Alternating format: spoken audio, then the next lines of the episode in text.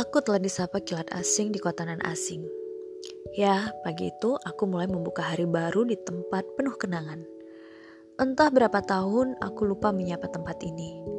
Masih terbayang jelas layang-layang yang kukejar beberapa tahun yang lalu. Masih terbayang pula seorang anak lelaki nakal yang kucemburkan ke sungai.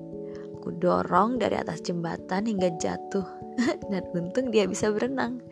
Tapi itu dulu, dulu sekali waktu aku masih dengan usilnya melempar sepatu kekasih tanteku. Saat ini semua berubah. Lelaki yang kudorong di jembatan hingga jatuh ke sungai itu telah tumbuh tinggi besar. Sayangnya dia tetap tidak menarik. Tetap terbayang dia adalah anak nakal yang memutuskan layangan saudaraku. Semua banyak berubah Bukan cerita tentang si pemutus layangan ataupun kekasih tanteku yang saat ini entah di mana. Ada sisi lain yang menjadi petir dalam kota yang kurindu.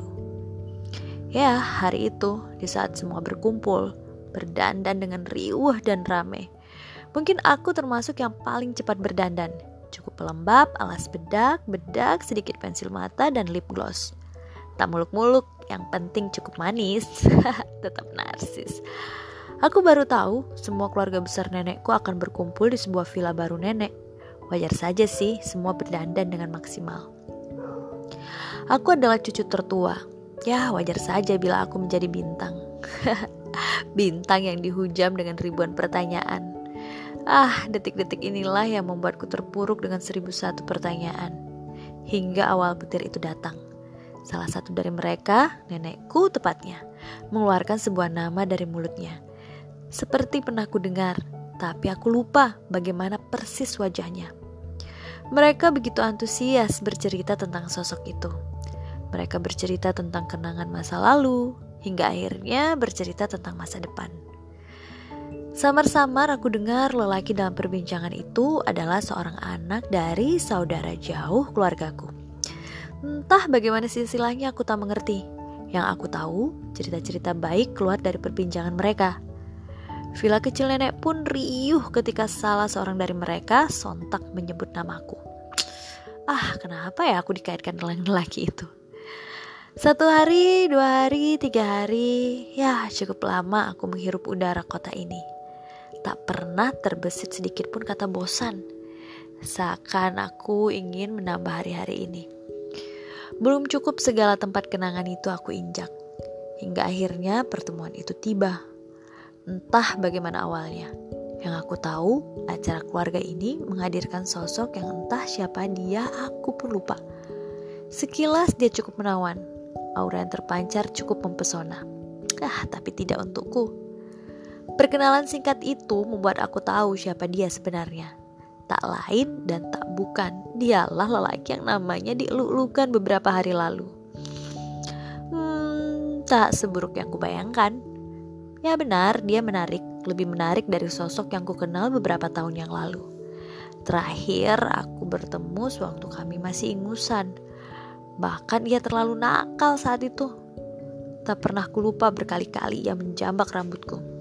Ah, dia benar-benar orang menyebalkan. Ya, tapi itu dulu. Sekarang semua berubah. Si nakal itu mulai manis padaku. Tapi tak bisa membuatku merasa cukup senang.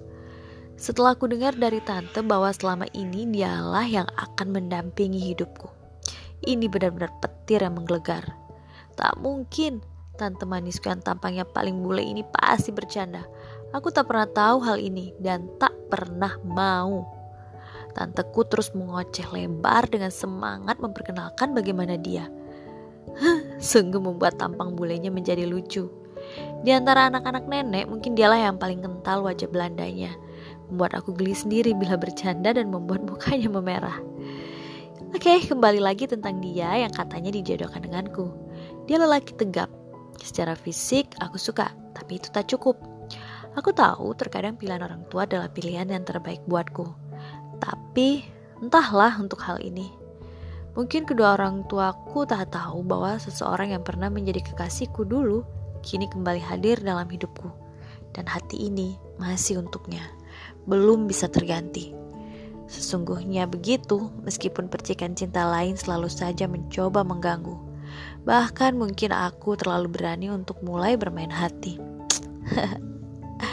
Kali ini aku mengenal lagi kota yang kupijak saat ini, bukan mengenalinya sendiri. Paribanku yang setia menjadi pemanduku. Entah sengaja atau tidak, selalu saja mereka mereka memberikan waktu untuk kami. Bukan hanya itu, seolah-olah aku memiliki sopir pribadi. Kegelisahan itu hadir, petir itu hadir bukan hanya padaku, bahkan pada lelaki yang tak terbayangkan akan menemani hidupku ini. Dengan berat dan hati-hati ia bertanya tentang cintaku. Dan dengan hati-hati, aku melepas cincin di jari manisku. Kuberikan padanya, berharap dia membaca nama yang terukir di dalamnya. Ya, setidaknya dia tahu bahwa hatiku telah terisi. Bahwa ada seseorang yang mencintaiku di sana. Senyum manis lepas dari bibirnya, membuatku berhenti mengunyah daging-daging sate yang memenuhi mulut. Dia mengeluarkan ponsel dari sakunya, menunjukkan foto seorang wanita manis. Hah, lega rasanya. Tapi tetap saja menjadi dilema. Bukan hanya aku sih, tapi juga dia. Malam itu dia hadir dengan celana pendek dan sendal jepit. Aduh, lagi-lagi semistri celana pendek dan sendal jepit tiba. Sepertinya jin celana pendek dan sendal jepit bahagia sekali yang menguntit hatiku. Bahkan menguntit mimpi di tiap malamku. Dilema yang bergejolak membabi buta berperang dalam hati. Sementara senyum-senyum di antara keluarga kami terus saja menjadi momok yang manis. Tetap manis dan tetap saja mengerikan. Aku tak pernah terbiasa dengan hati yang mendua, apalagi mentiga. Dilema yang lengkap. Semua situasi membuatnya menjadi tersusun sempurna. Bodohnya, aku terlalu mengikuti semua, lengkap dengan posisi yang berbeda. Ada cinta yang tak harus kumiliki, ada seseorang yang memang milikku, dan ada seseorang yang dihadirkan untuk menemani hidupku. Sepertinya hati ini ingin berontak. Mungkin juga ia teriak, Hey, hello, sejak kapan kau bagi-bagi ruangku? Aku masih bersyukur sih lelaki dadakanku mengerti semuanya. Tapi ia tetap saja manis. Dengan manis, ia menikmati hari-hari itu. Dengan manis, ia tetap melindungiku. Aku cukup membenci sikap itu. Membuat hatiku rapuh dalam sebuah keputusan. Membesarkan dilema yang telah tumbuh. Aduh, sejak kapan aku menjadi selemah ini? Sementara ia dengan mudahnya berkata, Biarlah kita lihat pada siapa Tuhan berpihak. Ya, maka wajarlah jika wanita menggunakan kepekaan intuisi dan ketajaman logikanya untuk memilih pria yang terbaik, yang akan dimuliakannya sebagai suami dan kepala keluarga.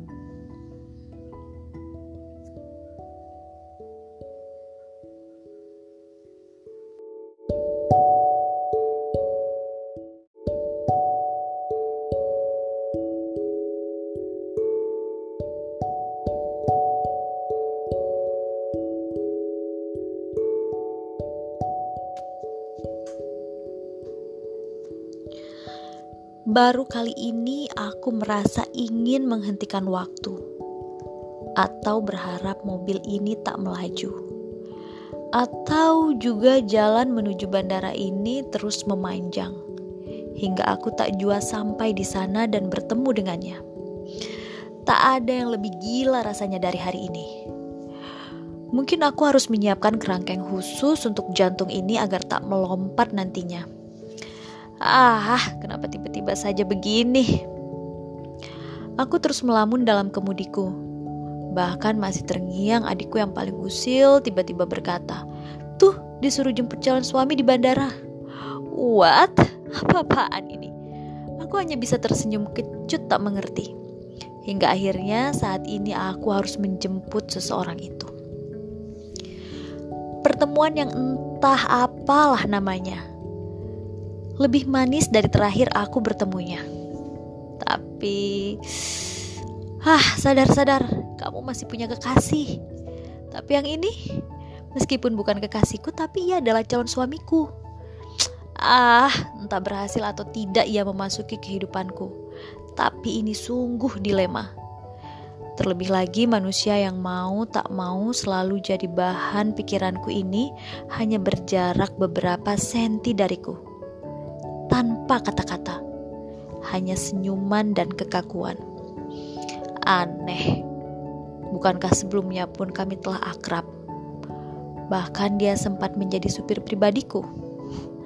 Aneh. Grogi kah? Ya, tanpa kata-kata. Bahkan suasana hening dalam mobilku pun tak dipecahkan sedikit pun olehnya. Mungkin kami sama-sama terlarut dengan lagu Not With Me yang sedang kuputar. Tapi keheningan itu dibuyarkan dengan HP-nya yang berbunyi.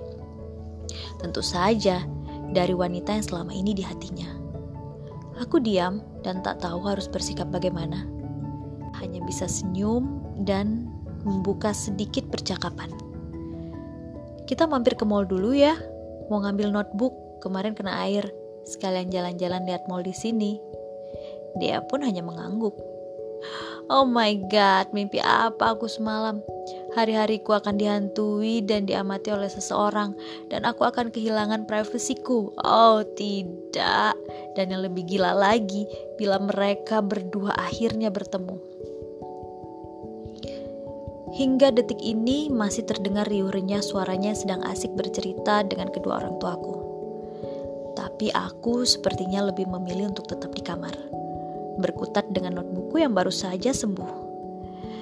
Sungguh, sesungguhnya aku belum siap bertemu dengannya lagi. Paling tidak hingga kami cukup tegas dengan hati masing-masing.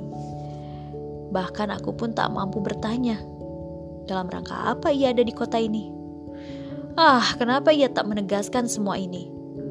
Setidaknya ia harus menjadi lebih jantan untuk menolak dan mengatakan semua, mengatakan bahwa ia pun telah memiliki pilihan hatinya. Lalu bagaimana dengan mereka? Bagaimana dengan wanita itu? Bagaimana dengan hidupku?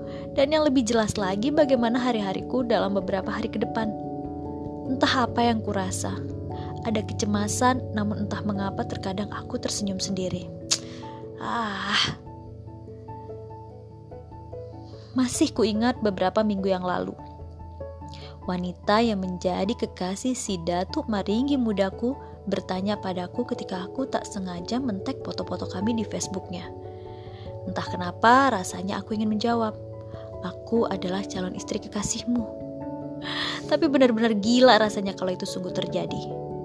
Nyatanya aku hanya sanggup menjawab, aku saudara kekasihmu.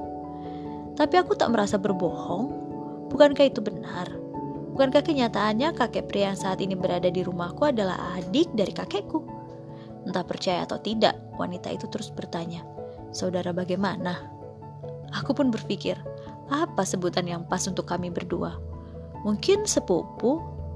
Dan akhirnya aku mengatakan bahwa kami adalah sepupu. Wanita itu cukup nyinyir. Masih saja dia lanjutkan pertanyaan.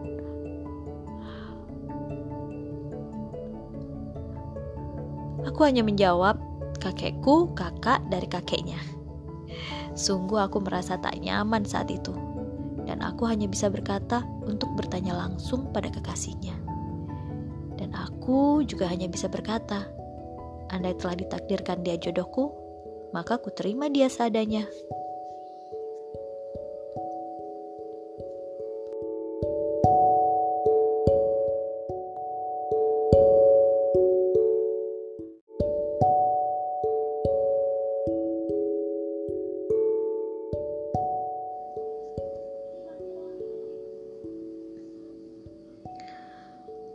Aku tertegun. Ada kata menghentak halus di hatiku. Bukan aku tak mencintainya, tapi terkadang kita harus mengorbankan seseorang atau sesuatu yang kita cintai demi seseorang atau sesuatu yang lebih kita cintai. Sepertinya kekakuan membuatku menghindar dari suasana yang hening. Aku seperti lari darinya. Aku seperti takut berada di dekatnya Bukan karena aku seorang perempuan pengecut, tapi hati ini yang sedikit menjadi penakut. Takut bila suasana memaksaku berada sendiri di dekatnya. Bukan karena ia jahat atau mungkin dia seorang pedofil. Berasa aku masih kecil. Dia juga bukan lelaki yang sehati dengan babe baik kuni yang sekarang lagi santer di berita. Dia manis, dia baik, dia sopan, dan semua itu membuatku kaku tak tahu harus bagaimana bila ia di hadapanku. Namun, alasan terbaik dari semua ini adalah dilema yang dengan sengaja aku, bahkan juga dia, dengan enaknya kami simpan di hati, membuat ia menjalar ke otak, bahkan ke seluruh tubuh, membuat tiap hari-hariku bertaburan helaan nafas panjang, berusaha untuk menenangkan hati, memaksa hati menerima dan meyakinkan bahwa semua akan baik-baik saja. Beberapa hari ini ia hadir dalam hari-hariku lagi. Lebih tepatnya, ia mendatangiku dengan tanpa sengaja. Mungkin bukan aku tujuan utamanya. Entah apalah itu, sudah tak ada pengaruh lagi rasanya. Kami begitu lepas bila berada dalam keluarga. Sama halnya ketika kami belum memikirkan segala dilema yang ternyata membuntuti kami. Sungguh bagaikan sandiwara beribu canda dan tawa seolah dengan gampangnya lepas ketika jumlah manusia yang ada lebih dari dua. Atau dengan kata lain, kekakuan itu sirna dan lari dengan kehadiran orang lain di sampingku atau dia. Aneh, tapi lagi-lagi inilah apa adanya. Beberapa temanku seolah telah dihipnotis oleh lelaki pengobrak-abrik otakku ini Beberapa pertanyaan sulit seolah-olah menampar wajahku. Termasuk pertanyaan, aneh, gak usah pusing lah. Cakep iya, baik iya, kenal baik iya, supel, pendidikan tinggi, masa depan terjamin lah. Branded pula, apa lagi sih? Tinggal bilang oke, okay, langsung panggil penghulu. Anjrit, alangkah enaknya kata-kata perempuan yang selama ini menjadi mangkok unek-unekku. Ditambah lagi kata-katanya menggelitik tapi meresahkan. Udahlah, putusin aja itu. Dia dulu juga seenaknya aja ninggalin kamu demi wanita si pesona sesaat itu. Anggap aja ini karma buat si cowok labil itu. Salah siapa? Dia bukan laki sejati yang kata kamu itu. Spontan bantal yang ada di sampingku pun terbang ke mukanya. Oh my god, apa aku terlalu berlebihan? Terlalu mengambil pusing semua ini. Tapi ini masalah hati, masalah hidup yang akan aku pertaruhkan hingga nanti sampai entah. Aku tak tahu apa wajar bila kristal-kristal air mataku harus pecah begitu saja. Tapi nyatanya tidak. Seolah-olah aku tak sudi menangisi hal ini. Lagi-lagi kegengsianku terhadap masalah cinta terus membumbung tinggi. Malam yang seksi, seseksi hatiku. Hujan lebat benar-benar memberikan badai di hatiku. Seolah menjawab kegelisahan dan debaran jantung yang tak kunjung hilang sejak sore hari. Aku baru mengerti, intuisi itu seolah memberikan tanda hati-hati untukku tepat ketika aku akan keluar bersama si datuk maringgi mudaku. Sosok yang selama ini terlalu sibuk dengan diri dan pekerjaannya pun tiba-tiba bagaikan hantu berdiri tegap di pintu depan. Dengan senyum yang sungguh aku rindukan. Rintik hujan tidak terlalu membuatnya basah meskipun hujan benar-benar lebat. Seperti biasa, aku memintanya untuk memasukkan mobilnya ke garasi kiri yang sedang kosong. Sementara lelaki yang telah aku janjikan untuk menemaninya makan malam ini hanya terdiam dan bertanya. Itu dia. Aku mengangguk tanpa ekspresi. Tak tahu aku harus senyum atau nyengir. Ya udah, besok aja. Lagi pula hujan gini pasti jalannya nggak kelihatan. Aku hanya menjawab, ya udah. Malam itu pun terjadi perkenalan antara mereka berdua. Belum sempat aku memperkenalkan siapa lelaki rapi dengan baju berwarna putih ini. Datuk Maringgi mudaku itu pun langsung memperkenalkan diri bahwa ia adalah saudaraku. Pupus sudah kecemasanku. Sungguh aku belum siap untuk mengakhiri semua ini. Belum siap untuk menjelaskan semua. Belum mampu aku melihat raut wajah kekecewaan itu. Belum tega rasanya. Meskipun ia pernah menjadi lelaki tak berhati, tapi sungguh aku tak mampu memberikan hentakan di hatinya.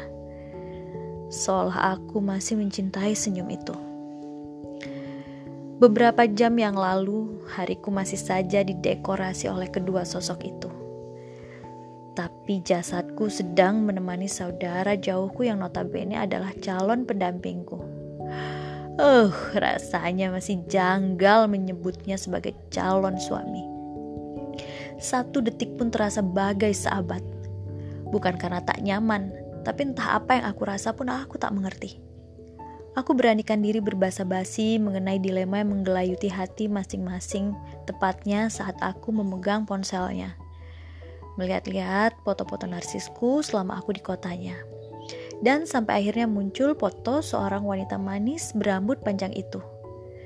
Sepertinya aku kehilangan kontrol pikiranku. Entah mengapa semua moodku seolah-olah memburuk. Sepertinya senyum lucu yang tercipta dari pose-poseku tadi luntur dalam hitungan detik.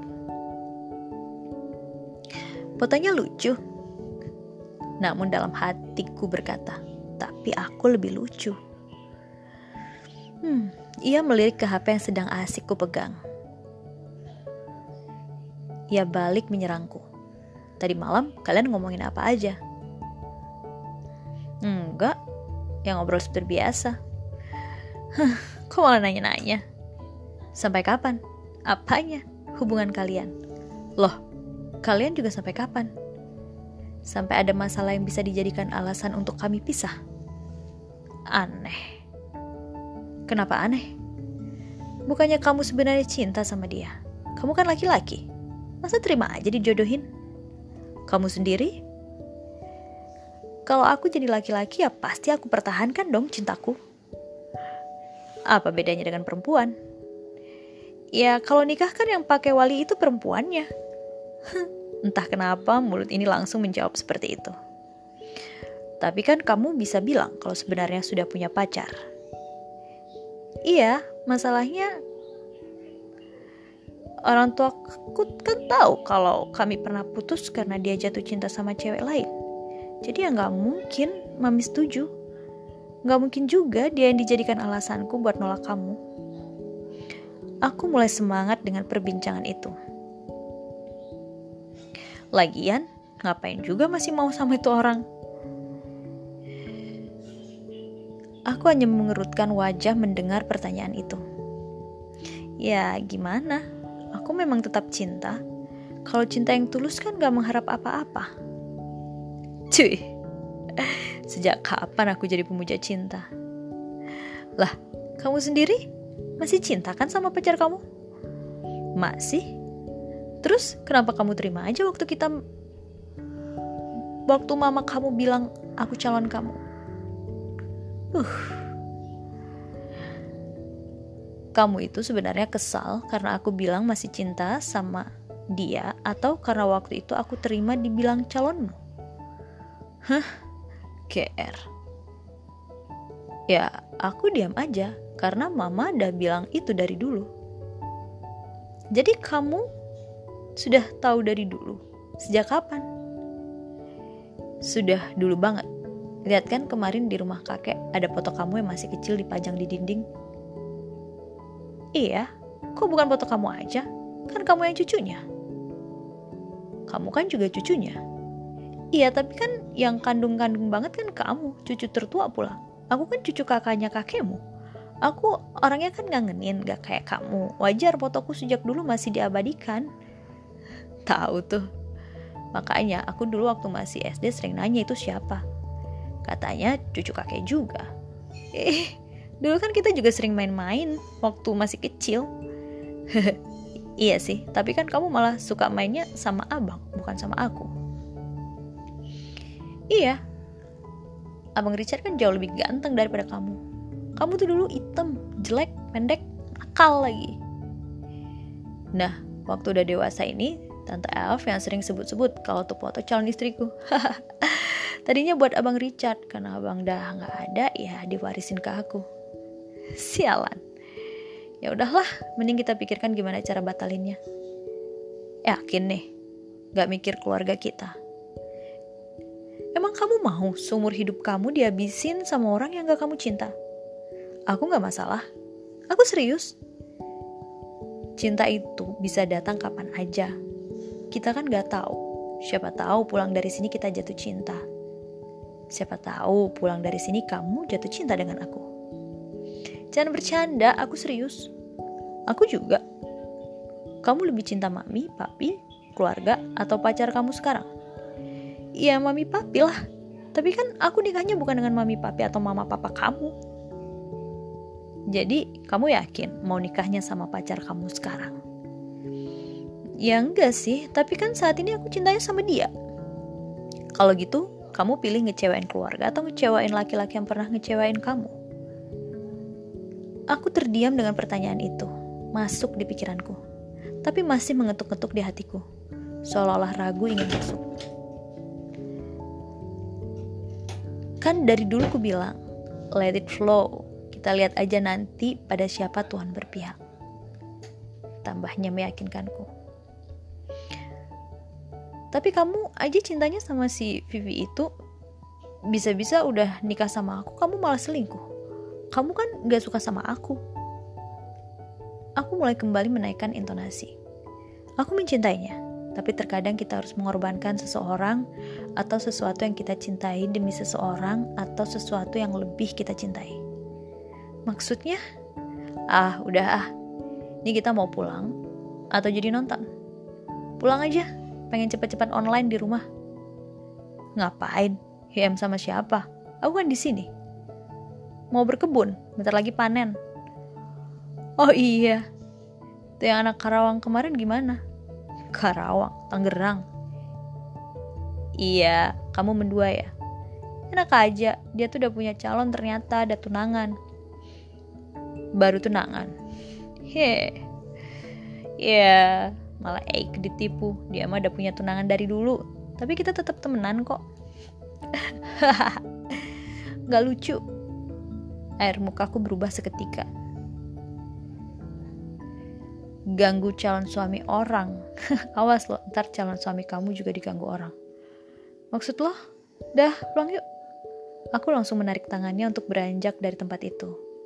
Setidaknya untuk hari ini semua baik-baik saja